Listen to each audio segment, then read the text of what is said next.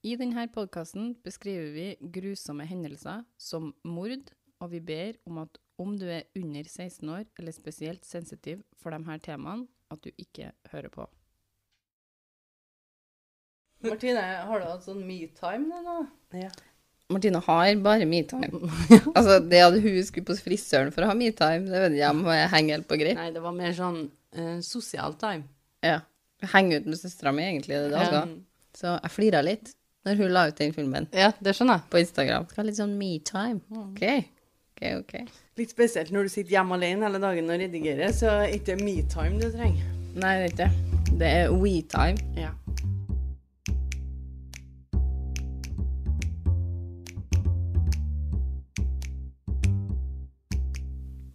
Hei, hei, alle sammen. Da er vi klar for en liten pause med dere. Dere hører på meg, Maria og søstrene mine. Martine, Andrea, men vi hører jo mest på deg. Ja, mest på meg. Litt på dere. Vi har miksa opp med bytta plass, vi. Dere har det. Har dere noe dere har lyst til å fortelle før vi begynner? Ja, jeg har eh, begynt å se en eh, serie på Sumo, som Ok. jeg vil anbefale andre som liker true crime. Så Den heter Dess på Sumo. Handler om en seriemorder Kort fortalt der. som drepte sånn 13 stykker eller noe sånt. Oi.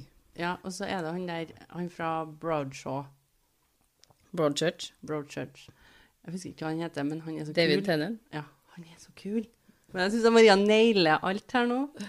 Navnene på seriene, navnene på skuespillerne. Men den kan i hvert fall du se, Maria. Ja, det kan jeg. What's it about? The history today. Dagens episode handler om en sak fra Australia i 2003. Denne saken handler om ei jente som heter Sozu. Jeg vet ikke om jeg skal utdype den så veldig mye mer enn det. Skal vi bare starte? Sozu jobba med IT hos eh, Boston Consolation Group. I eh, 2003, da, når denne eh, saken er fra, så var Zoe 33 år og hadde bodd i Australia i 10 år. Hun var opprinnelig fra Kina. Hun jobba ikke bare med IT. Hun jobba også på kvelden som ei eskortepike på en plass som het Ultimo Brothel, an evening affair. Gjennom den jobben her så hadde Zoe møtt en mann. Hvilken jobb? Den eskortejobben. Ja, ikke annen. IT-jobben. Nei. I 1998 møtte jeg en mann som het Tim Titterode. Han hadde gifta meg med han, ja. ja. det er Bare for å få navnet. Tim var en eh, familiemann med barn og samboer. Han var en businessmann som pendla mellom Sydney og hjemmet sitt, så han hadde jo da dameselskap på begge plassene. Zoe og samboeren til Tim var begge klar over at det her skjedde. Oh, ja. uh, og Tim forteller ifølge en artikkel av Sydney Morning Herald at han og samboeren hadde et åpent forhold. Zoe føder ei datter, og her er jeg litt usikker. Det er enten sent i 2002 eller tidlig i 2003. Her sa mange kilder litt forskjellig. Men sa ikke du i starten at det var i 2003? S- Saken handler Om 2003? om om to, noe som skjer i 2003. Sorry. Men hun føder ei datter enten sent i 2002 eller tidlig i 2003. Mange av kildene sa litt forskjellig, men hun føder ei datter som hun gir navnet Jasmine. Tidråde. Jasmine Tidråde. Det er første gang jeg får på meg et navn. Jeg er kjempefornøyd. Andreas sitter mer hvor kan jeg putte inn Tidråde? Hvor kan jeg putte inn Ja, men du kan jo det på hun der. Ja. Ja. Jasmine er Tim sin datter. Og Tim er med Zoe en eller to kvelder i uka. Da er de sammen i leiligheten hennes når han er med hun, forklarer Tim ifølge boka True Australian Crime Stories. Får han fortsatt, betaler han fortsatt for selskapet hennes? Det vet ikke jeg. Videre forklarer boka at Zoe begynte sin egen bedrift mens hun var i mammapermisjon. Hun drev med noe kjøp og salg av nudler. Men jeg tenkte at når du sa at han starta sitt eget firma, at han starta med å selge sex, liksom, siden hun var en Nei, nei, det er ute. Hun forteller Tim at hun hadde blitt eh, tilbudt en, en god deal da, på et lager hun tenkte hun skulle sjekke ut. For uh, hun trengte jo å store Nudlene. sine.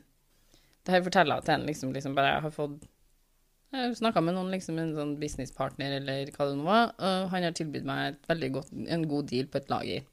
Lik null kroner, sant. Det var Jeg bør sjekke ut det. Så, men her er de. Han er fortsatt, har fortsatt barn og samboer og Han ender opp med å gifte seg med samboeren sin rett før hun føder barnet hans. Torsdag 18.11.2003 snakker Tim med Zoe på telefon, og de planlegger et besøk neste dag. Zoe forklarer da at hun har en mulig kjøper i en dagligvarebutikk, så hun har et møte med denne kjøperen den dagen. Derfor er det mulig at hun og Jasmine ikke er der når Tim kommer. Tim og Zoe blir enige om at han bare skal låse seg inn og vente på om hun ikke er hjemme. Så hun har med seg ungen. Ja, altså, ungen er ikke i barnehagen, sånt, så hun, har, hun er jo er mammaperm. I boka True Australian Crime Stories så skriver Cox, som er en privat etterforsker, om saken Zoe. Han gjør sin egen etterforskning om saken på vegne av Tim, som leier den inn. Det var ikke så mye informasjon å finne om etterforskninga til politiet i de den saken. nå vet ikke vi hva de etterforsker, da. Nei, men vi kommer til det. Jeg bare forklarer. Så derfor vil jeg bare si at derfor blir denne delen beskrevet ganske ensidig fra han Cox og Tims Tim sin side. Skjønner dere? Ja. For politiet samarbeider ikke noe særlig med han Cox her, og det er ikke så mye info å finne fra Så- politiets side. Så politiet samarbeider ikke med han eh, private etterforskeren. Nei. Men han Cox her har skrevet ei bok, og en av de sakene han skriver om, er denne saken her. Så ifølge boka til en Cox, så kommer en Tim til leiligheten uten at Zoe og Jasmine er her. Eh, Så han låser seg inn, sånn som de hadde blitt enige om. Og så ringer en Tim til Zoe og får mobilsvar. Så han legger igjen en beskjed, men ingen ringer tilbake. Jasmine og Zoe kommer aldri tilbake til leiligheten den dagen. Tim melder Zoe og Jasmine som savna personer dagen etterpå, men politiet behandler naturligvis Tim da, som en mistenkt, og i hvert fall en person av interesse. Ja. Så han får ikke noe info om statusen på saken fra dem. Han prøver, han ringer og liksom sier hva er, hvor står vi igjen, hva, hva ja, skjer? han, han er liksom glad, ja. Han er jo gift med noen andre, da.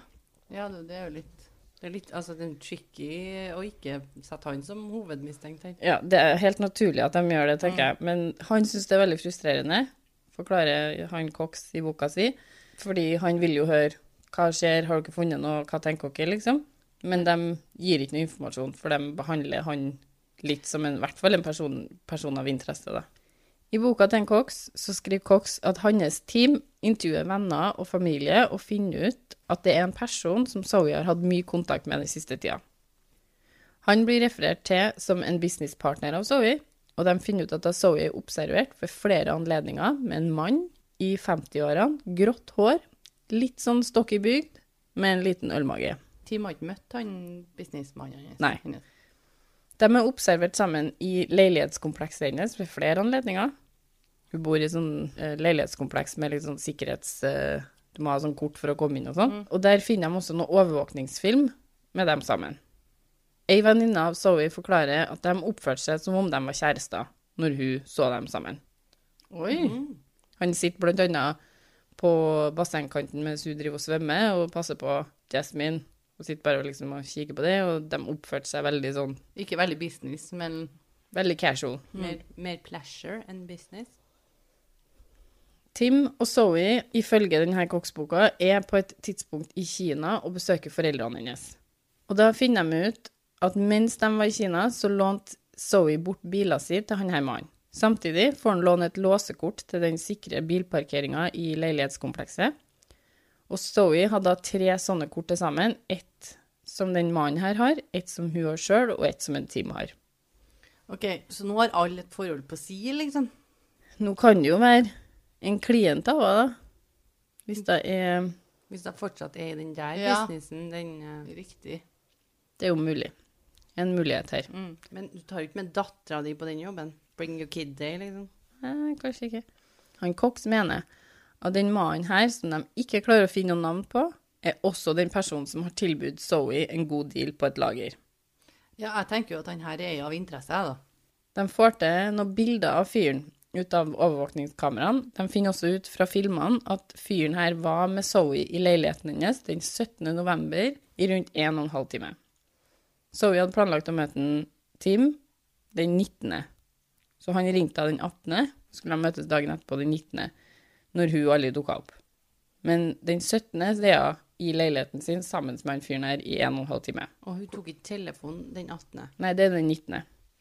Det, altså, ok, Men hadde han snakka med henne den 18.? Ja. Ok, Så hun, hun er i hvert fall i live den 18. Fyren. Jeg kaller ham bare fyren jeg nå. Det er han fyren her, jeg vet ikke hva han heter. Fyren som ingen vet hvem er. Så han fyren, som ingen vet hvem er, tar med seg bilene hans med en eh, Peugeot 307 Det her ser de på overvåkningskamera. Ja.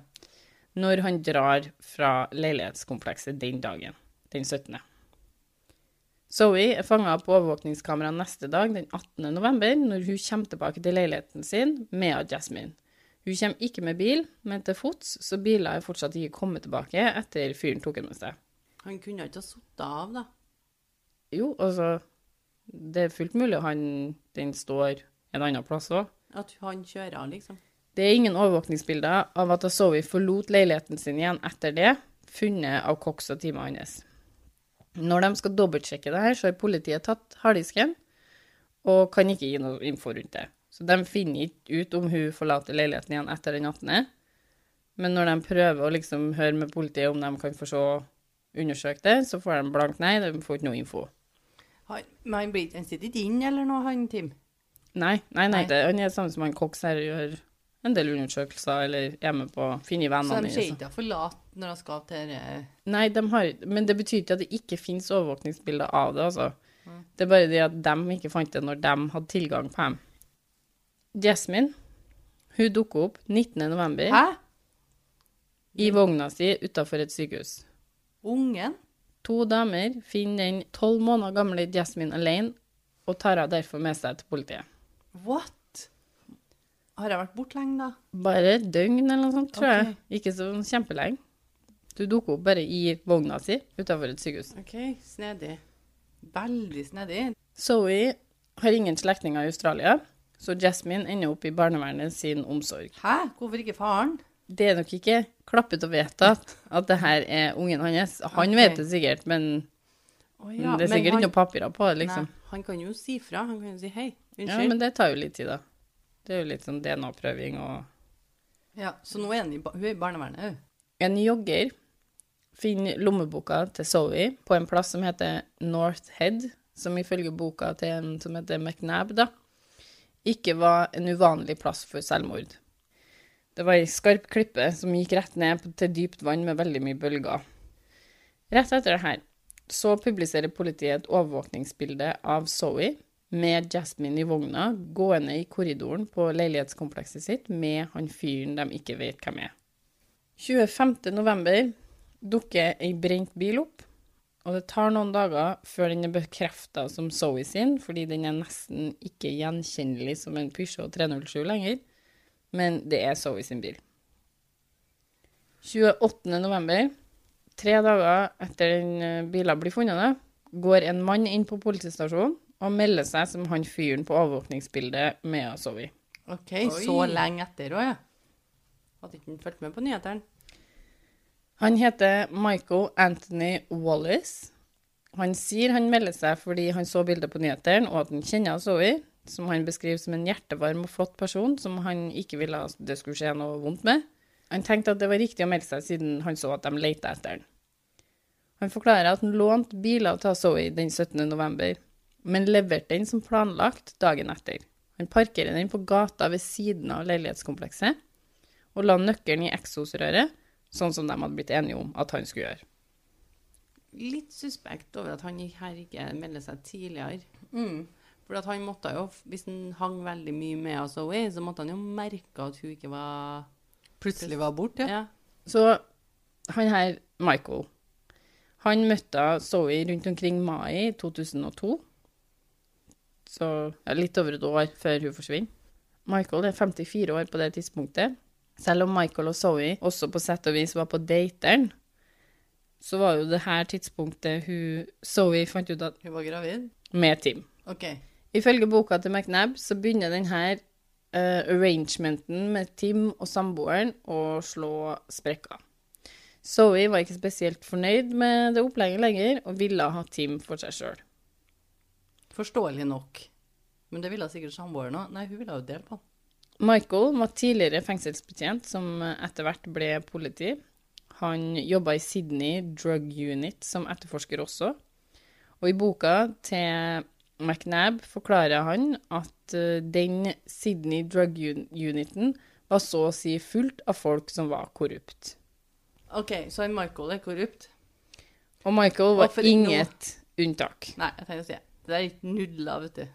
Han blir i 1990 tatt for å ha stjålet heroin som drug-uniten hadde beslaglagt i et rain. Da.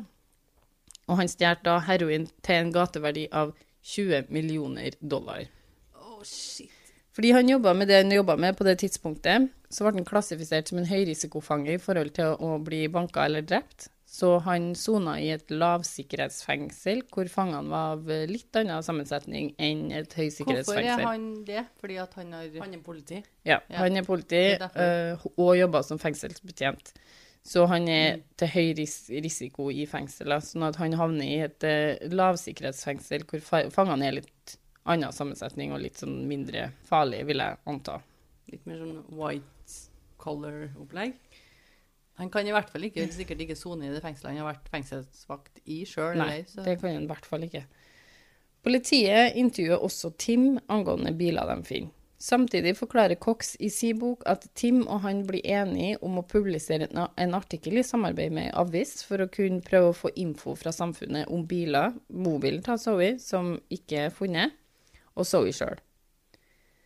Denne plead for informationa skulle ha med et løfte om en dusør på 200 000 dollar, som Tim skulle betale, for, som de tenkte å skrive, 'information leading to the safe return alive of Miss So-so'.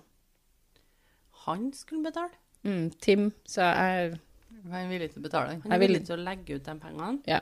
Oi. 200 000 dollar. Men politiet nekter dem å ha med det her, så de får ikke lov å utløse noe dusør. Så dusøren ble skrinlagt, da. Men jeg føler man må nevne at den prøvde noe. Prøvd, ja. Team prøvde.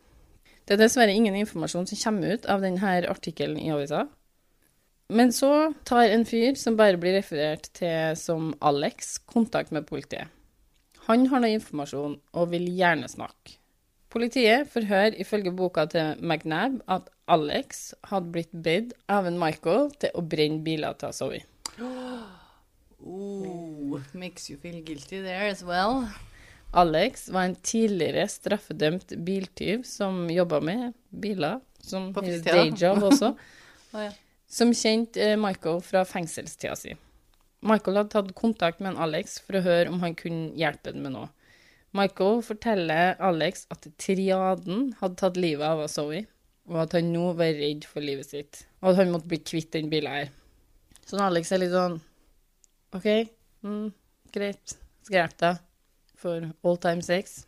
Og litt penger, sikkert. Og sikkert litt penger òg, det vet ikke jeg, det sto ikke noe om. Men det var ikke før han så alt nyhetsoppslaget av Zoes forsvinning, biler som var funnet, Jasmine som var etterlatt ved sykehuset, og alt det der, som kom et par dager etterpå, at han skjønte at Michael hadde gjort den skyldig i noe mye verre enn bare å brenne ei bil. Ja. Derfor meldte han seg til politiet for å prøve å bistå. Hva kan jeg? Jeg har gjort det her, liksom. Det må jeg ta æren for, skal jeg si. Men hva kan jeg gjøre? Ja, det er jo litt lurt av en. Det tror jeg òg, for det kan jo ende opp i at det kan bli mye verre. Ja, det backfire hvis han hadde liksom sittet og ikke sagt noe. Ja, Det viser seg at det er han, liksom, og så bare Politiet hopper på denne muligheten, da Alex er den beste ledetråden de har fått så langt. De vil at han skal ha på seg mikrofon og få Michael i prat. De lover en 100 000 dollar fra myndighetene, de skal betale han 100 000 dollar, og de eh, Og han bare jackpot på den her, da. Han bare han gjør alt for penger, så det går fint. Og han eh, blir lova også de 100 000 dollarene som familien til So-So hadde utlyst i, i avisa. Familien, det var jo en team. Nei, Nei. dette var familien, Oh, ja, annen familie. Okay. Han skulle få en ny identitet og bli hjulpet på beina på en plass han sjøl valgte. Og ikke bli strafferettslig forfulgt for å ha brent biler i det her, som nå minner mer og mer om en drapssak. Og han sier seg villig til det her, da. Han sier seg villig, han. OK. Siden dere spør så pent. Så de begynner på en undercover-runde med Alex sin hjelp i mars 2004. Er det derfor du bare kaller han Alex? Ja, han heter altså, Han er aldri referert Nei, han er skjult, han. Ja, mest sannsynlig heter ikke han Alex, men han blir nå referert med det. Det er her Michael forklarer til Alex at han er den som har drept av Zoe. Han forteller Alex at han eh, drepte henne ved å skyte henne i bakhodet to ganger. Oi! Han vil ha hjelp til å dra tilbake der han har dumpa liket, for å flytte. Oi! Helst vil han at det skal kastes på sjøen. Så han er liksom Du har nødt til å hjelpe meg med det her. Han var ikke vanskelig å få i prat, da. Det er på tur tilbake til Sydney at politiet stopper Michael og finner deler av skjelettet etter av Zoe, inkludert hodeskallen og kjevebeinet hennes, i bagasjerommet hans i en svart sekk. Shit. Han her red-handed. han. Han blir arrestert og sikta for drapet på Zoe. Under rettssaken forklarer Michael seg. I en artikkel fra The Age forklarer de at Michael tilstår og har skutt Zoe. Men han sier at det ikke var et mord, det var manslaughter, som eh, her i Norge er et forsettlig drap.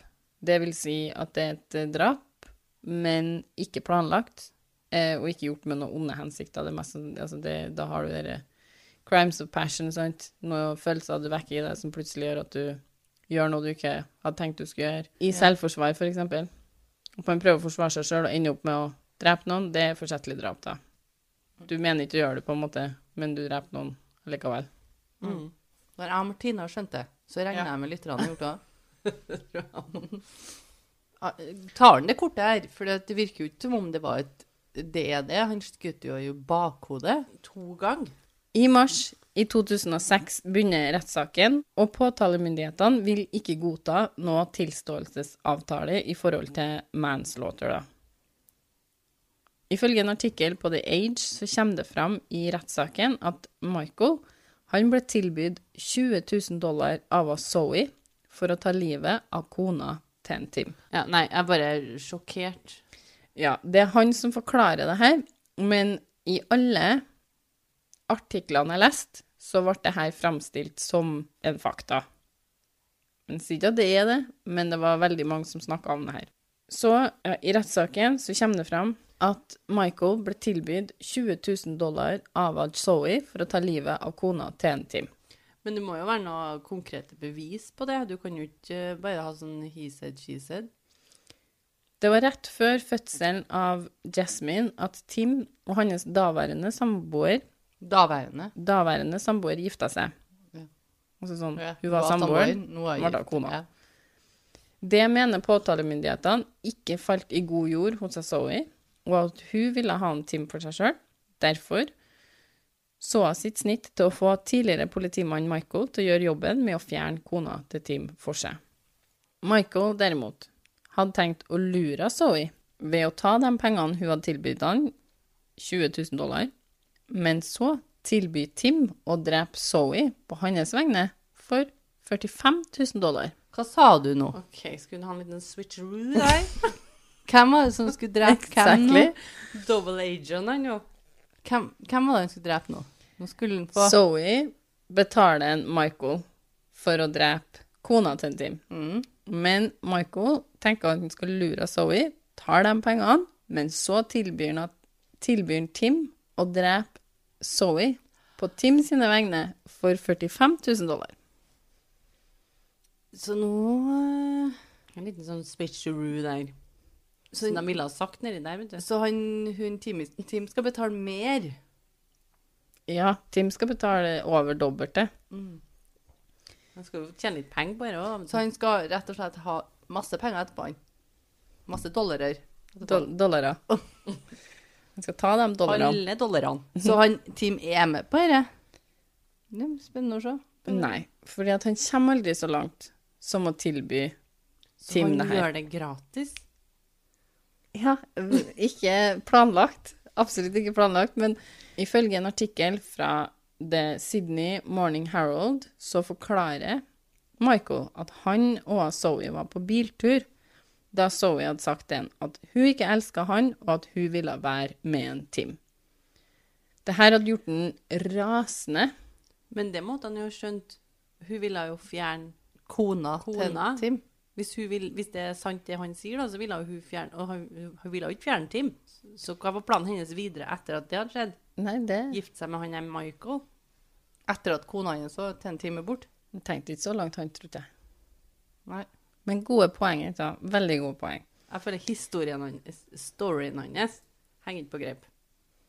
Det her gjør han rasende, og han sier sjøl at han ikke husker at han tok pistolen engang, men at han plutselig hadde skutt henne mens hun satt i forsetet. Det er derfor han har skutt i bakhodet, for han sitter i baksetet når dette skjer. Hvorfor sitter han i baksetet? Kanskje Om de hadde stoppa og spist noe her- lunsj, jeg vet ikke. Han her tror jeg bare onde hensikter. Han sitter jo ikke bak og snakker med hun at, og hun forteller det mens hun kjører. Jeg elsker ikke deg, jeg vil være sammen med en time. Sitte og snur seg. Så jeg vet ikke om du tok den, men tenk, hvis du tar livet av kona, så blir det jo meg og Tim. Jeg har veldig lett i setet foran her, men jeg, jeg vil ikke være så nær deg. Da. Det skal òg sies. Ungen satt i baksetet. I baksetet? men Han har Jeg et tenkte jo kanskje at- foran, det tenkte jeg også. Nei, ungen sitter i baksetet Hvorfor er det ingen som sitter ved siden av hun? Jeg hadde jo skjønt at han satt baki hvis ungen satt foran. Kanskje ungen ikke likte å sitte alene? Kanskje han satt baki bare for å holde ungen med selskap? Med en pistol i hånda. Nei, den, den har han jo tydeligvis i bagen sin, og så har han plutselig plukka opp en, sier han. Og hvorfor har han med seg den? Det er et godt poeng, men For i Australia så driver ikke de og bærer rundt på håndgevær. så gode poeng dere har, men her er det som skjedde. Det var én plass til jeg fant, men alle andre sa at det her skjedde i biler. Men én plass sa at det hadde skjedd på lageret. At de Ok. for for å okay. se på det lageret. Men det var bare én plass som sa at drapet hadde skjedd der. Så mest sannsynlig i biler, da. Ja. Og han, han brente jo bilen etterpå. Ja, og han hadde innrømt at han hadde hatt biler, og de så jo at han tok biler, så det var jo ikke noen grunn til at han skulle ha brent den bilen hvis det ikke hadde skjedd noe der som ikke skulle ha skjedd. Mm. Men jeg syns det er så merkelig at det er hun som kjører Det kan ikke jeg svare deg på. Kanskje han har drukket, det vet ikke jeg. Han satt i baksetet, med ungen. ungen satt i baksetet, og hun sitter foran. Det makes sense på historien hennes at de sitter i biler, da. For at da hun jo i bakhodet. Han forklarer det som en liksom bare Han bare visste ikke hva han holdt på med lenger, og plutselig så sto han med pistolen i handa. Og så skøyt han henne. Ja. Og så har de allerede snakka litt om sånn å skyte mennesker. ja Oi, og, de er jo tilsynelatende kapabel til da, Michael her, da, ut ifra Ja. det han Han skal jo ha om penger og skal bytte litt og skal ta Men- noe andre istedenfor. Men det jeg ikke skjønner Altså, jeg skjønner det Eller jeg kan være med på det der raseriet han opplever inni seg, og ender opp med å skyte av. Men to ganger Han skal gå til en Tim og si 'jeg kan skyte hun', jeg'. Men så blir han rasende når hun forteller at hun ikke er forelska i han, og henne sjøl. Ja, godt oppsummert der, Andrea. Ja, for det, det kommer jo ingen vei med dette uansett. Han hadde jo i utgangspunktet ikke tenkt å være sammen med meg, altså hvorfor er han sur? Det tar en time for juryen å dømme Michael for drapet på Zoe. Ja, det kan kanskje brukt et kvarter. Hadde Andrea men- sittet i det juryen der, så hadde ikke han Det hadde gått en time. Nei, vi hadde gjort på en time. Ifølge en av artiklene av Sydney Morning Herald så blir eh, Michael dømt til maksimum 20 år i fengsel, men eh, 14 år uten mulighet for prøveløslatelse. Han får nå straffereduksjon for at han vil mest sannsynlig ha veldig vanskelige forhold i fengsel pga. si fortid som politimann. Og det blir jo anka, da, men et år etter dommen blir anken avvist. Og han vil da, med tid allerede unnagjort, ha mulighet for prøveløslatelse allerede i 2018. Å ja. Så vi vet vi om han er ute? I en artikkel fra The Daily Mail i eh, 2019 står det at Michael hadde eh, fått innvigla prøveløslatelse til 15 år i fengsel. På bakgrunn av god oppførsel og åtte veldig godt gjennomførte dagspermisjoner. Så Åtte år, ja. han slapp ut i fjor. Jeg syns det skal sies forresten at eh, Tim alltid har nekta for at da Zoe var eskortepike. Det var et vitne i rettssaken som vitna om at hun jobba som eskortepike og tjente rundt eh, 300 dollar i timen. Det vitnet påstår at hun også var helt vilt forelska i Tim og var helt besatt av han. Tim nekter for alt det vitnet påstår. I boka til Cox så forklarer han at Tim heller ikke tror noe på at Zoe ville ha kona hans drept.